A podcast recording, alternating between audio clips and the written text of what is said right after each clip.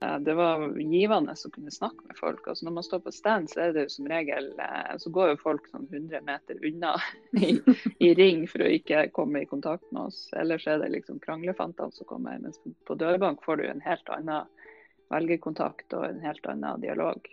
Så for meg som førstekandidat var det lærerikt, eh, ikke minst for å se hva folk er opptatt av. For én ting er jo hva vi sitter og planlegger at vi skal snakke om, noe helt annet er jo hva folk faktisk har lyst til å snakke om når vi står der på døra.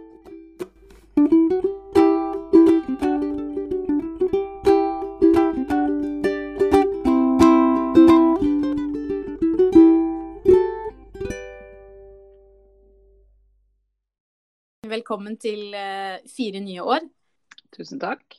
Eh, du stilte til valg i 2017, men det er ikke eneste gangen du har stilt til valg, for du har ganske lang fartstid i ulike roller, egentlig, har du ikke det? Ja, altså jeg, har, eh, jeg er inne i min andre bystyreperiode i Bodø som fast representant. Og så hadde jeg en før det som vara. Men 2017 var jo den første stortingsvalgkampen jeg var involvert i. Og ikke minst som førstekandidat. Mm. Så det var utrolig artig. Men hvilke, hvilke, tanker gjorde du deg før du sa ja til å stille til valg? For det er jo ganske man, man vet ikke helt hva man går til. Nei, man gjør jo ikke det. Jeg følte jo virkelig at det her var en, en ja, kanskje å, å, gape over litt for mye. Eh, å komme fra lokalpolitikken og så liksom over til eh, stortingsvalgarenaen. Men samtidig så, så, mener jeg jo at det er viktig at det er folk fra lokalpolitikk og fra, eh, ja, fra de livene de har der ute som stiller til valg til Stortinget. Så jeg fant ut at det var ikke noe grunn til å si nei, fordi at jeg følte jeg hadde lite erfaring fra den nasjonale arenaen. Det var en veldig god begrunnelse egentlig for å si ja. Men for å, for å starte litt med, med egentlig, eh, egentlig valgkampstarten deres. Dere hadde et velgerregnestykke hvor dere visste hvor mange velgere dere måtte ha for å få et direktemandat. Husker du det? Ja, nå har jeg vært inne og snoka litt på valgkampplanen vår, så jeg må innrømme at ja. det, jo, det, der hadde jeg ikke helt klart for meg nå. Men vi hadde altså et mål om å få et direktemandat, selvfølgelig. Hårete mål. Og da måtte vi ha 10 000 stemmer og 7% oppslutning. Ja. Eh, og det trodde jo vi på når vi begynte. Det skulle vi jo selvfølgelig klare.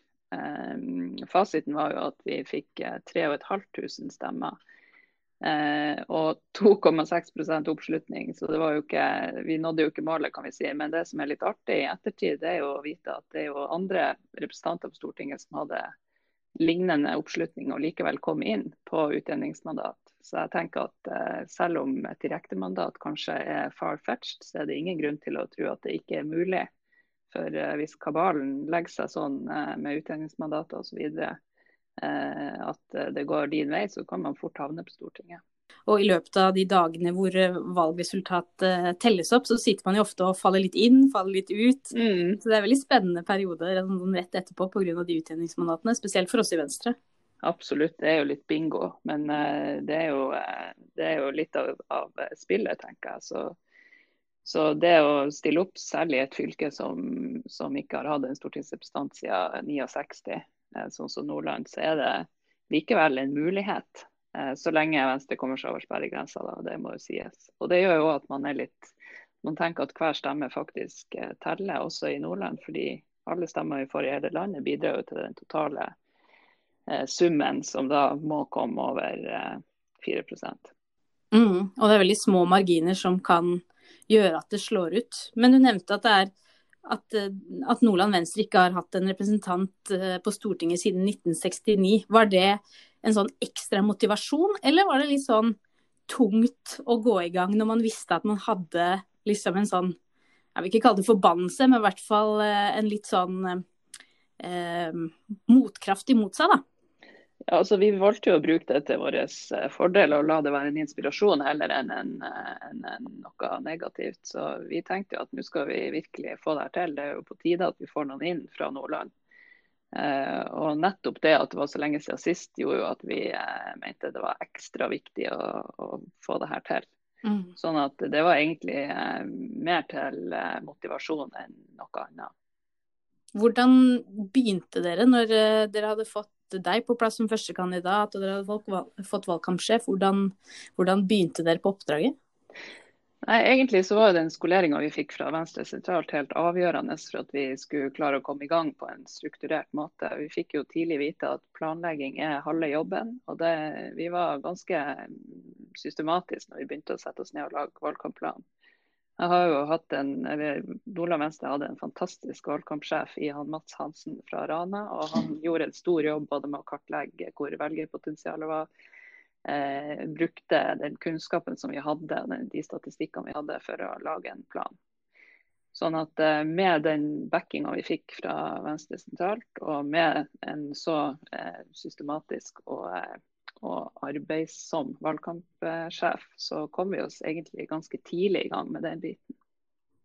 Hvilke valgkampaktiviteter var det dere tenkte at dere ville benytte dere av å liksom basere kampanjen deres på, for å jage nettopp de velgerne som Mats hadde identifisert? Ja, det var jo egentlig altså I tillegg til det åpenbare som stands og, og uh, synlighet i aviser, og sånn, så var det jo dørbank som sto øverst på vår liste som aktivitet. Uh, og Som vi også skulle prøve å få uh, medlemmer rundt omkring i Nordland med på. Og Det la vi inn når vi var rundt og besøkte lokallagene. Så tok vi dem gjerne med på en dørbankrunde. Der hadde vi også et hårete mål med 20 000 dører som skulle bankes. vi klarte 1168, og det er faktisk ikke så ille i et fylke som Nordland. sånn at eh, men hva det gjorde på uttellinga, det er jo et annet spørsmål. Men vi følte at akkurat denne dørbankbiten både var med på å aktivisere eh, medlemmene, og eh, ikke minst så fikk vi jo en følelse at vi gjorde noe når vi gikk fra dør til dør. Og vi ble jo liksom skjerpa på budskap og greier. Det var utrolig god trening også i den dørbanken. Så, eh, men sett i ettertid så er det klart at med alle de timene vi la inn i det, så, og den uttellinga det ga oss, så eh, kan man jo Vi måtte nok ha vært flere for at det skulle liksom eh, vippe resultatet i noe særlig grad, tror jeg. Men som førstekandidat så fikk jo du en eh, veldig god mulighet til å både være aktivt ute med medlemmene dine og, og, jobbe sammen med dem. Og du fikk også sånn veldig direkte møte med velgerne dine. Var mm. Hva fikk du ut av det? Nei, Jeg fikk jo faktisk eh, utrolig mye ut av det. Det var givende å kunne snakke med folk. Altså Når man står på stand, så er det jo som regel eh, så går jo folk sånn 100 meter unna i, i, ring for å ikke komme i kontakt med oss. Ellers er det liksom kranglefantene som kommer. Mens på dørbank får du en helt annen velgerkontakt og en helt annen dialog. Så for meg som førstekandidat var det lærerikt, eh, ikke minst for å se hva folk er opptatt av. For Én ting er jo hva vi sitter og planlegger at vi skal snakke om, noe helt annet er jo hva folk faktisk har lyst til å snakke om når vi står der på døra. Men hvordan jobba du og Mats og resten av valgkamporganisasjonen i Nordland for å klare å få med medlemmene ut på slike aktiviteter og, og mobilisere flere til å være med, sånn at dere ikke var bare et par stykker som, som dro hele lasset? Ja, Vi la jo inn f.eks. på eh, de nettverkssamlingene vi har i, i, eh, fylkeslaget, som gjerne skjer i Bodø, for det er praktisk å reise hit. Da kommer jo folk fra alle lokallagene. Da la vi inn en sånn to runder med dørbak i det programmet, da, sånn at alle fikk prøvd seg på det. Og Da gikk vi gjerne i grupper på fire i lag. Eh, og Så la vi det også inn da, som sagt, når vi var ute og, og reiste rundt og besøkte lokallagene. Eh, vi er jo en et eh, langstrakt fylke med 44 kommuner. Så den største jobben vår var egentlig å klare å prioritere hvor vi skulle bruke tida vår. Eh, og det, når vi da var ute og møtte lokallagene, så dro vi dem med på dørbank. Og så hadde vi et, eh, gjerne et næringslivs- eller sånn bedriftsbesøk i tillegg. Og da var det egentlig god uttelling for de, den tida som vi brukte. Mm. Men hvordan klarte dere å prioritere? Var det da valgkampplanen til Mats som kom frem igjen og, og var styrende for, for, hvor du prioriterte spesielt, da, men også dere prioriterte tid? Ja, det var det. Vi fant jo tidlig ut at vi klarer ikke å være i alle 44 kommunene. Eh, men eh, vi, vi var nok litt ambisiøse når vi prioriterte, for det står jo i valgkampplanen at vi skal prioritere knallhardt. Og den knall, knallharde prioriteringa resulterte da i 18 prioriterte kommuner. Ja. og det er klart at det klarte vi ikke å, å, gjennomføre. Men vi var, eh, jeg vil si at vi hadde ti kommuner som var liksom inne i loopen. Og selv det er kanskje litt i overkant når vi ser på, på hvor uh, lite Altså, det tar jo tid å reise ut, det tar tid å, å følge opp. Så jeg tror nok at neste gang så er vi nødt til å prioritere enda hardere på hvor man skal sette inn støtet. Og det, da betinger det jo at man har aktive lokallag. Jeg tenker Der det er aktive lokallag, der må man jo prioritere å, å være. Mm. Men også der det er folkerikt og der det er stort stemmegrunnlag, er det viktig å bruke tida si. Mm. Så I Nordland har vi f.eks. Eh, altså de tre største eh, kommunene ved valget eh, utgjorde jo halvparten av stemmene. Så det, det, vil jo være styrende for neste gang, tenker jeg mm. når vi skal planlegge valgkampen fra, fra Nordland Venstres side. Men ut fra den eh, dørbankerfaringa du fikk fra, fra, det valget, og som jeg regner med du også da kanskje har brukt i, i senere valg, har du noen sånn praktiske tips? For det er jo hvordan, hvordan begynner man når man skal gå dørbank, liksom? Dere, dere, hadde tydeligvis en veldig strukturert plan på hvordan dere delte dere inn i grupper. Hva var det som funka og ikke funka for dere? Eh, nei, Det som funka er jo å smile. og egentlig, Og være eh, positiv. Vi hadde et mantra i hele valgkampen som var positiv synlighet. Altså, vi skulle fremstå som en uh, optimistisk og glad gjeng. og det å bli møtt av et smil og en politiker på døra, det er det mange som ikke forventer, rett og slett. Sånn at bare det å, å, å, altså, å være en ja, en, en, glad politiker på døra di som ønsker å høre på hva folk har å si, det er man ser at det, det, går rett hjem hos folk, faktisk. Og ikke minst det å lytte, og ikke bare stå der med sitt eget budskap. De fleste ønsker jo, hvis de har noe på hjertet, så ønsker de gjerne at vi skal høre på dem, og ikke bare bli stående og høre på oss. Mm. Heller stille noen spørsmål. Mm. Og det jo, kan jo være litt vanskelig å få dem i gang, sånn at eh, da er det jo lurt å ha en, en liten jukselapp med tre spørsmål som er litt åpen, og som kan få dem på et spor. Mm. Brukte du da veldig åpne spørsmål, eller snakka du om konkrete hovedsaker til Venstre eller i din valgkamp, eller aktuelle saker som var i media akkurat da? Ja, Det er jo avhengig litt av hvor hen vi var, men som regel så var det egentlig et åpent spørsmål om eh, vi har lyst til å komme inn på Stortinget for første gang siden 69, eh, og vi vil representere Nordland, vi vil ha en stemme for Nordland. Hva mener du at vi skal være opptatt av, og hva ønsker du at vi skal jobbe for? Da ser du fort om folk er om det tennes noen lys eller ikke. Altså om de er interessert eller ikke. Og eh, Hvis det var i f.eks. Eh, i Lofoten, så det jo, var det jo lett å snakke om eh, oljefritt Lofoten, Vesterålen og Senja. Mens i, eh, på Helgeland så kan det jo være mer eh, næringspolitikk og industri og sånn som, som folk er interessert i. Mm. Eller helt lokale saker som ikke hadde noe med stortingsvalg å gjøre. Som skolesaker eller andre ting som, som kobler folk til Venstre. Mm. Og da kan det jo være veldig greit å ha med seg en lokalpolitiker fra nettopp det, den kommunen til å ta den ballen, når du da representerer hele fylket? Ja, helt klart. Det er jo eh, viktig at man har noen som kan plukke opp de lokale um, forholdene. Da. Så det var, det var, veldig lurt å, å, gå i lag med de lokale. Mm. Men jeg prøvde meg noen ganger når jeg var sånn, hadde litt tid til overs, eh, å gå alene i, i, kommuner der jeg ikke ante hvordan de lokale, lokalpolitiske forholdene var. Og det funka det også, altså. Mm. Men eh, ja, det er, jo, eh, det er jo kanskje enda mer eh, virkningsfullt i lokalvalgkampen enn i stortingsvalget. Men jo nærmere valgdagen man kommer, jo, jo, mer interessert blir folk. Det merka vi godt. Mm. Det var liksom i august og september at det virkelig var, folk var i modus for å tenke valg. Mm.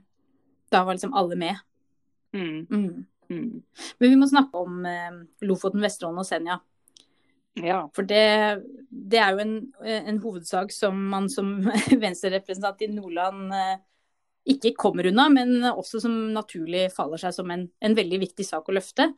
For um, de siste tiårene så har jo Venstre og egentlig SV sittet i regjering litt sånn annenhver gang. Og begge partiene har klart å blokke oljeboring i LoVC annenhver gang. Mm.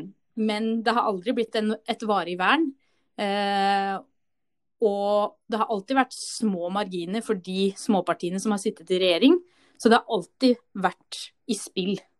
Um, og før valget i 2017 så var jo hele åtte av de ni representantene fra Nordland på Stortinget for oljeboring mm. i Lofoten, Vesterålen og Senja. Mm. Hvordan var det å stå midt i den debatten og prøve å posisjonere seg sånn at du fortsatt ble så sentral i debatten sånn som du var? Nei, det var jo, Vi prøvde jo nettopp å påpeke det at her sitter altså en nordlandsbenk på Stortinget som er for oljeboring. Altså, det gjenspeiler jo ikke folkemeninga verken i Nordland eller ellers i landet, den sammensetninga der. Og uh, I og med at Venstre har sånn eierskap til den saken, så var det naturlig for oss å vektlegge det mye. Og Vi hadde jo rent hav som en sånn en av tre hovedsaker, og der inngikk jo uh, oljefritt Lofoten, Vesterålen og Senja. Og mm, Da prøvde vi å gå litt sånn i klinsj med både Arbeiderpartiet og Høyre, men også Senterpartiet, som hadde vært veldig fraværende i debatten. Eh, sånn at vi, eh, vi mente at det her, er jo en sak som alene viser behovet for at eh, Venstre er på Stortinget fra Nordland. Og så hadde vi en fantastisk samling i august i når det var åpning av valgkampen i Lofoten, der både Trine og Olava og masse venstrefolk på torget der i knall sol med svære banner og ballonger og greier. Det var tror jeg, mitt beste minne fra valgkampen. Eh, jeg tror du òg var med da. Det, ja, jeg var det. Det var også et av mine beste minner fra den valgkampen. ja. ja. det var utrolig fint. Og da fikk man jo Det var artig å gå i lag med Trine gjennom, eh, gjennom Solvær og se hvor eh, hvor opptatt folk var av saken, og hvor mye heiarop og tommel opp hun fikk nettopp pga. den saken. Mm. Så det Ja, jeg får nesten litt sånn goosebumps når jeg snakker om det, for det var utrolig artig. Og det viser jo at når vi har en sånn medvindssak, så er det så baller det fort. altså Da legger folk merke til det. og Da er det, da er det lett å hive seg på den bølgen. Mm. Ja, og det var vel eh, Det var vel egentlig stort sett var det Venstre, SV og MDG som faktisk stilte opp med partiledere og, og mm. nasjonale, mm. nasjonale, talspersoner der. Men vi var jo også vi var veldig mange, og jeg husker det været som var helt nydelig. Mm. Det var så idyllisk. Du sto den debatten sto liksom med hele landskapet bak. Mm. Eh, eh, og det var liksom så tydelig hva som var på spill. Og det var et engasjement spesielt blant de, blant de unge som var der, ja. som var helt enormt. Ja. og det er litt artig, for vi ser jo at Venstre f.eks. knuste MDG i, i, eh, i Svolvær, i hvert fall, så vidt jeg husker. Og, eh, og vi har, hadde et stort eierskap fra før. Det var jo gjort en veldig god jobb lokalt også der av lokallaget i forkant og i, over mange år i den saken. Sånn at folk kobla oss til, til, det. Og det fineste tror jeg i den debatten, det var jo at faktisk eh, SV og Venstre eh, spilte hverandre god og anerkjente den innsatsen som man har gjort på, som du sier, på hver sin side av, eh, av politikken. Mm. Så det var Ja. Det der er og det, nå er det blitt litt sånn at eh, alle tar for gitt at det her ikke skal åpnes, men det er jo likevel en enorm seier å faktisk få den her foten i døra på de områdene. Så det skal ikke undervurderes, den innsatsen som er blitt gjort. Det må jo bare minne Nei. folk om. Nei, det skal man virkelig ikke. Og Én ting er at eh, jeg syns jo opinionen har beveget seg veldig på dette eh, i hele landet egentlig de siste eh, fire årene. Og så har jo AUF gjort en enormt viktig jobb innad i Arbeiderpartiet for å prøve å, å bevege de litt også. Mm. Men likevel så, så, er den ikke vunnet for godt. Uh, og det kan godt hende det valget vi står overfor nå i 2021 også blir minst like viktig. Ja da, det, det, er jo eh, Vi ser jo som du sier, det er bevegelsen. Nå har Nordland Arbeiderparti også klart å lande på et standpunkt mot uh, oljeboring. Men det er jo ikke fordi at de mener at det er rett, det er jo fordi de mener det er praktisk umulig å få det til. Fordi at mm. Venstre og SV sperrer. Så, ehm, og Det var jo også en av de tingene som vi brukte, nemlig det at uh, Arbeiderpartiet ikke klarte å være tydelig nok. Og det var slett ikke sikkert at de, så, deres representanter fra Nordland ville stå på rett side i den saken. Tvert imot. Men en annen ting som jeg husker veldig godt fra din valgkamp, det er dette skal vi kalle det mottoet 'reis kjerringa'. Ja. Det ble sånn slagord som fulgte deg hele, hele året. egentlig. Hvordan var det det dukka opp og ble til? og hvordan ble det mottatt? Ja, Det var jo i, i tråd med det som eh, vi snakka om innledningsvis, at det er 100 år omtrent siden sist vi har hatt en uh, stortingsrepresentant fra Venstre inne på nordlandsbenken. Og, og, hvis vi hadde klart det, så hadde det jo virkelig vært som å reise kjerringa. Uh, men akkurat det, det, slagordet, eller hva jeg skal si, det ble til når vi snakka om fundraising og, og, og pengeinnsamling til valgkampen. Og Det var liksom det ordspillet der da som egentlig utløste det, altså reis kjerringa. Men det var det jo etter hvert så ble jo det her kun en sånn uh, steike været der skal vi få til. Mm. Nå skal vi klare å, å reise kjerringa og få oss inn. Og få kjerringa til å reise til Oslo? Ja, ja, ja, ja. Så vi var veldig fornøyd med det der. Det var litt artig. Og valgkamp er jo artig. altså Det er jo kjempeartig å sitte og planlegge de her tingene. Klekke ut eh, både um, overskrifter og, og slagord. Og, og eh, ja, det det er utrolig skøy, rett og slett. Mm. Ja, og så er det, jo, det er jo mange tunge dager med regn og kulde hvor man skal ut på dørbank og det ikke frister. Og, og du føler ting går trått, og det er kritikk i media, og kommentarfeltene er ikke noe hyggelig. Men så får du igjen noen dager som er sånn som den på torget i Svolvær, hvor Mm. folk kommer bort og rekker deg handa og sier du kan være sikker på at du får min stemme. Og det er bare så gøy, fordi du er et stort lag som, som jobber for noe sammen. Ja, og nettopp det med laget er jo kanskje det viktigste av alt. Altså, jeg var jo kjempeheldig som hadde en utrolig dyktig og ivrig valgkampsjef, men også et valgkamputvalg som backa opp og, og var til stede og ga den motivasjonen og den eh, pushen som skulle til når man var litt, eh, litt lei og litt eh, nedtrykt av eh, meningsmålinger eller andre ting. Og vi hadde en sånn fandenivoldskhet i hele i hele laget som gjorde at vi skulle, vi lot oss ikke knekke av de her tingene. Vi skulle peise på. Så det å ha et team rundt seg som, som backer opp og klarer å motivere også når, når motivasjonen din daler litt, er utrolig viktig. Mm. Er det noe du sånn i ettertid har tenkt at ah, vi skulle gjort mer av det, for det funka veldig bra? Eller eventuelt det skulle vi gjort mindre? Ja, altså jeg var jo litt inne på det med at vi kanskje gapte over litt eh, mye når vi hadde 18 prioriterte kommuner. Eh, Sånn at vi skulle nok ha prioritert tidsbruken og spissa oss litt mer inn mot der velgerpotensialet er størst, og vært litt mer kynisk på det. Um, og så Ja, det er jo Vi skulle ha vært flere folk. Altså, vi skulle kanskje ha begynt tidligere med å klart å mobilisere, sånn at vi, eh, sånn at vi hadde eh, flere å, å støtte oss på. Eh, og det er jo I Nordland er det veldig få heltidspolitikere, og det er få som har mye tid til over. Så det å klare å disponere tida vår og de som er ute i lokallagene, og trekke de litt nærmere, eh, det, det må vi jobbe med. For eh, det sitter jo utrolig mye bra folk rundt i lokallagene som, eh, som både ønsker å bidra og, og, kan bidra. Og det å klare å slippe dem til på en, Mm. eh, på en litt mer systematisk måte, det, det tror jeg er en nøkkel for, å, for neste gang. Mm. Det er en viktig delegeringsjobb å, å klare å delegere skikkelig. Ja. Der, er ikke, der har jeg et stort forbedringspotensial, det skal jeg lett innrømme. Det er også noe med avstander òg, da. At det, det at um, vi nå har fått litt bedre digital kompetanse på å møtes Mm. også med så store avstander som dere har. For jeg vil jo tro at dere av alle fylker har kjent eh, kanskje sammen med Finnmark mest på nettopp de avstandene når man skal bygge et lag og jobbe sammen. Ja, helt åpenbart. Så det her, eh, de ti årene vi har plutselig nå har hoppa frem i den digitale utviklinga, det er jo gull verdt for et uh, fylkeslag som Nordland. Nå kan vi ha møter med lav terskel på, på digitale plattformer, og vi kan i mye større grad klare å, og holde kontakten med hverandre. Så Det er jo noe som styret i Nordland jobber med for å få, for å få klart, klare å utnytte. Dette er jo egentlig en kjempemulighet for et fylke som oss.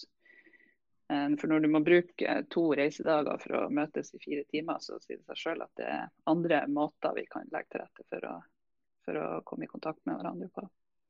Så Det ser jeg frem til å jobbe i, i fylkeslaget for, at vi skal ha flere digitale møter. Eh, og også ikke minst klare å knytte sentrale venstrefolk inn i de møtene, sånn at Mm. veien mellom Nordland og det som skjer sentralt blir kortere.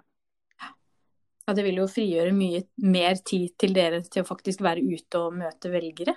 Mm, mm. Og det, det er jo en annen ting som jeg gjerne skal bruke mer tid på i valgkampen. Altså møtt folk. Eh, Jeg brukte en del tid bak tastaturet for å skrive eh, eh, intrikate leserinnlegg. Og liksom, ja. Eh, den tida der den tror jeg kunne vært bedre anvendt ute blant folk og velgere.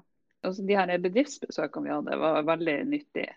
Eh, både for å lære om, eh, om deres utfordringer og ikke minst alle fantastiske verdiskapninger som skjer i Nordland, men også for å få de til å, til å huske på at Venstre er jo et fantastisk parti for småbedriftene og for den, den, grønne veksten som vi ser nå boble opp på, på hvert et ness langs kysten. Så bedriftsbesøk det vil jeg fremdeles anbefale å, å gjøre. Det er jo mm. også velgere i disse bedriftene. Eh, så det er jo en slags velgerkontakt slash læringssak, det der. Ja, så absolutt. Og ikke minst syns jeg den modellen dere hadde lagd, at dere hadde en litt sånn mal for at når dere er ute på besøk, så skal dere ha bedriftsbesøk, dere skal ha dørbank. Mm. Og det er jo mange måter å gjøre det på, men det å ha en litt sånn Disse tinga vet vi funker, så da eh, gjør, trener vi på det egentlig ved, ved hver, hver, reise, er jo kjempelurt. Og en god måte for resten av lokallagene til å koble seg på også. Mm, og det å møte gründerbedrifter og småbedrifter og de som jobber med det grønne skiftet, som er liksom midt i målgruppa for det vi jobber med, er jo en kjempemåte å møte velgere på. Og få litt sånn du skal jo inn i masse debatter i slutten av valgkampen ofte også, sammen med andre parti. Og det å ha møtt folka som står midt oppi det, hørt hvordan de ordlegger seg, hva de er mm. opptatt av, det gjør deg så mye bedre rusta til å stå i de debatten helt til det siste også. Ja, helt, helt klart. Helt klart. Så um, En sånn sak f.eks. som uh, oppdrettsnæringa i Nordland, som jo er både utskjelt og eh, mange ikke ønsker å ha her. Altså Når du besøker de bedriftene og ser hvordan de jobber, ser hvor eh, bra kontroll de har på, eh, på de tingene og hvor bevisst de er på eh, det miljøavtrykket som de setter, eh, det det, er, viktig å ha med seg når man i neste omgang står og diskuterer eh, hvordan vilkår oppdrettsnæringa skal ha. Mm. Så Det er jo ett eksempel blant mange. da. Eh, du får en helt annen forståelse for, eh, for det folk holder på med når du er ute og snakker med dem. Vi jobba litt med det samme for å ta en anekdote. Når, når Trine skulle ut på denne gründerturneen og kjøre elbil, mm. så var jo en viktig bieffekt av det, det var jo at Trine selv når hun skulle inn og snakke om eh, Venstres elbilpolitikk, hadde kjent på rekkeviddeangsten, hadde sett hvor det mangla ladestasjoner rundt om i Distrikts-Norge, og ikke minst sett hvor det funka kjempebra. Og mm. å ha det med seg inn i debatter, det, den måten å tenke på tror jeg er uh, veldig lur når man har saker som både er viktige for, for en selv, og som er viktige debatter man uansett må forholde seg til. Men litt sånn til noe annet. Den rollen du inntok som førstekandidat. Det er jo en, eh, det er en veldig synlig rolle, det er en veldig annerledes rolle. Plutselig så står du og deler ut masse flyere med bilde av deg selv på. Hvordan, eh, hva var det som overrasket deg mest ved det å stille til valg til Stortinget? Ja, det som overraska mest, var at jeg faktisk var villig til å kjøre rundt i en bil som var foliert med meg sjøl på. Det kan jeg den dag i dag ikke forstå at jeg gikk med på å gjøre. så det er jo en del sånne ting man blir utfordra på da, eh, ved å være så eksponert og, og, synlig. Det må jeg bare si. Men det er jo, man kommer jo inn i ei boble som gjør at eh, at man, man kanskje ja, er mer villig til å prøve ting man ikke tidligere kunne forestilt seg at man, at man eh, kunne. Um, men vi prøvde å bygge et lag uh, også med de andre toppkandidatene. Vi jo, hadde en veldig sånn, bred kompetanse i toppen. Um, og Anja Johansen, som nå er statssekretær, hadde skoleansvar han Mats eh, Hansen, valgkampsjefen, har eh, jobba i industrien og hadde liksom den næringsbiten.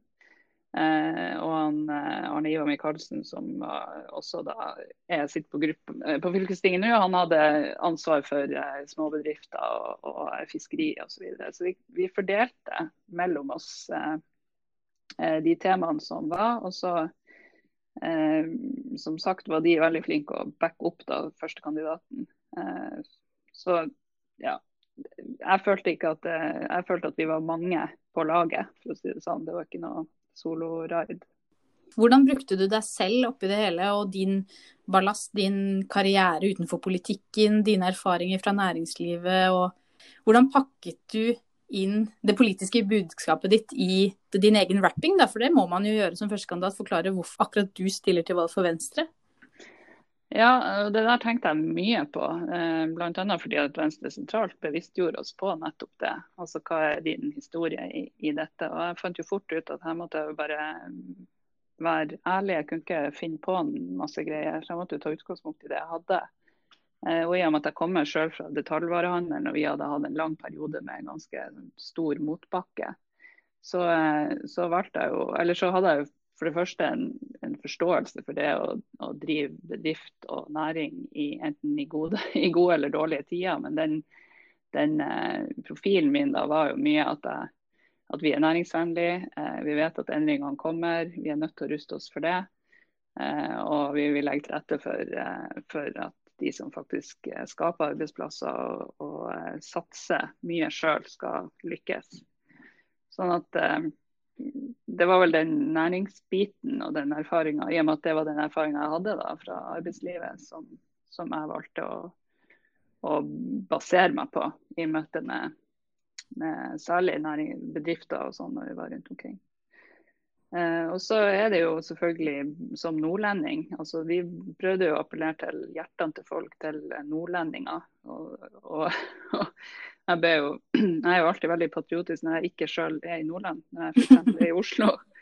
Så litt av budskapet var jo også at på Stortinget for Venstre eh, fra Nordland, så var det jo Nordland vi skulle først og fremst eh, representere og skulle inn og kjempe for. Mm.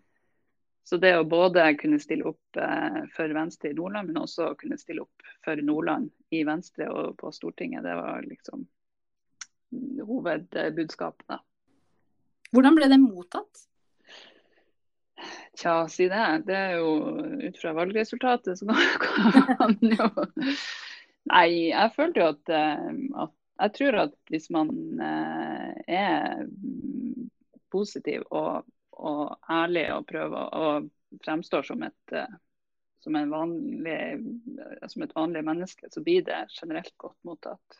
Man ikke ja, prøve å, å, gjøre seg til noe annet enn man er. Det tror jeg går, altså folk merker.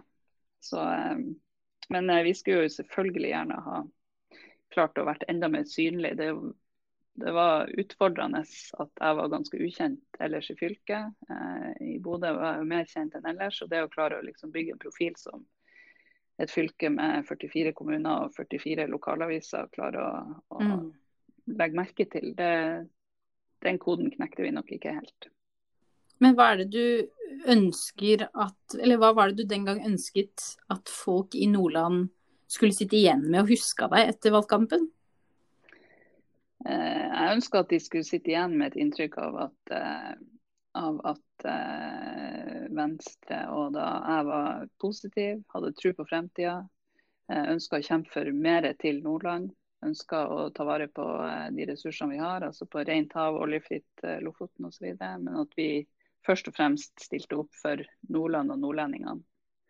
Eh, og at vi har tro på at, skal, altså at fremtida er bra i Nordland. For det var jo en veldig stor sutrefaktor hos de andre partiene, i likhet med nå så var det mye svartmaling og mye forferdelser om hvor kjipt det er, og alt går oss imot her i nord. Så vi prøvde jo å være den andre stemmen, den som faktisk pekte på alle mulighetene som er her oppe.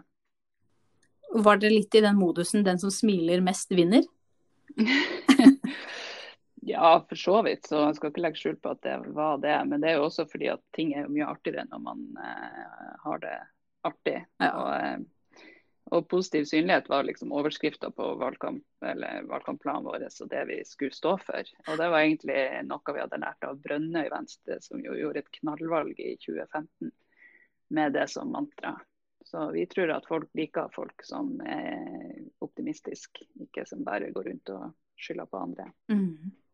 Var det noe av den måten å drive valgkamp på i 2017 som du har tatt med deg, og som har kommet til nytte som folkevalgt i Bodø senere? Ja, absolutt.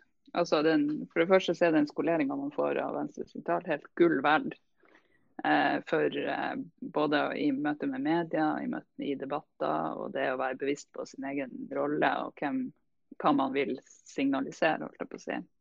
Det har jeg jo tatt med meg i, i eh, valgkampen i fjor her. Eh, og også ikke minst i, i bygginga av organisasjonen i Nordland, så, så, tror jeg det er enormt viktig at vi klarer å mobilisere i de valgkampårene for å, for å både knytte oss tettere til hverandre, men også ja, teste ut uh, type dørbank eller uh, andre metoder da, for å nå velgere. Så det er jo en, det jeg sitter igjen med etter valgkampen i 2017, det er jo alt det man lærte om, om uh, om det å drive valgkamp, som er utrolig altså Det er så lærerikt at du kan, hvis man liker å holde på med politikk, så er det jo anbefaler alle til å knytte seg til en valgkamp, også stortingsvalgkamp. Og det opplever jeg kanskje at eh, vi må bevisstgjøre folk mer på, altså venstrefolk mer på i Nordland, at den stortingsvalgkampen er kjempeviktig også for det jobben som skal gjøres videre lokalt. For du får mye igjen for det i, når det da blir lokalvalg to år etterpå. Ja, du har jo fått den bonusen at du har uh, brukt så mye tid i, midt mellom to lokalvalg at når du faktisk skal begynne med den valgkampen, så kjenner jo folk deg enda mer. Du har fått en annen mm, posisjon. Ja. ja. da, og det er klart all profilering og, og det at folk vet hvem man er og knytter deg til Venstre, det, det gjør jo at de blir uh, mer bevisst på den muligheten når de står i valgurna. Så det, alt henger sammen her. Her er det bare å melde seg på alle valgkamper, enten de er lokale eller regionale eller, eller nasjonale. Hvis du skulle gitt ett valg til noen som skal stille til valg for Venstre for første gang, hva skulle det vært? Ja, hva det skulle vært? Um, det må jo være å hoppe i det. Altså ikke Jeg var jo litt sånn eh, skal, som jeg sa i stad, var usikker på om jeg virkelig kunne gjøre det her osv. Det er jo altfor lite erfaring og altfor ukjent. Og, men det er bare å hoppe i det. Altså, det er utrolig artig å drive valgkamp, særlig når man er i bobla. Man er jo helt eh, Det er lærerikt. Eh, og ikke være redd for å gjøre ting du ikke har gjort før. Altså plutselig så sitter du i en bil med ditt eget ansikt utapå og mm. tar enhver utføring på strak arm. For det, man må jo komme litt i sånne modus, for det er veldig mange rare forespørsler i en valgkamp. Og til slutt så har du gått over så mange grenser at du bare sier ja ja, det fikser jeg. Ja, det er helt utrolig hva man blir utsatt for. Jeg satt f.eks. og skulle spise Det var en sånn chilitest på NRK med Senterpartiet sin kandidat. Der vi måtte spise chili hver gang vi snakka usant eller ikke klarte å svare på spørsmålet. Og det var jo en type seanse som jeg aldri hadde trodd jeg skulle finne meg sjøl i, men veldig skøy. Så både det og det, og, og det å være i eh, Altså, man blir vant til den eh, eksponeringa ganske fort, faktisk. Det overraska meg litt. Det, så det, selv om det nå i ettertid virka helt ko-ko at jeg gjorde enkelte av de tingene, så var det der og da det mest naturlige man kunne hive seg på. Tusen takk for at du ble med og delte av de erfaringene du hadde som eh, førstekandidat. Dette var veldig, veldig gøy å høre om. Jeg håper det virkelig gikk bra med den chilispissinga. Var det du som vant, eller var det Senterpartiet? Jeg vil si jeg vant, for jeg spiste mest chili og klarte, klarte meg godt. Jeg mistenker han andre for å sitte og uh, hive de her chilibitene på uh, under pulten. Men Men det er jo kanskje litt eh, betegnende for eh, Venstre og Senterpartiet, tenker jeg. Ja, vi, har vi sagt ja til noe, så spiser vi, spiser vi opp. Jepp. Vi står i det til siste slutt. ja. Tusen takk, Ida. Alt i orden, du. Tusen takk til deg.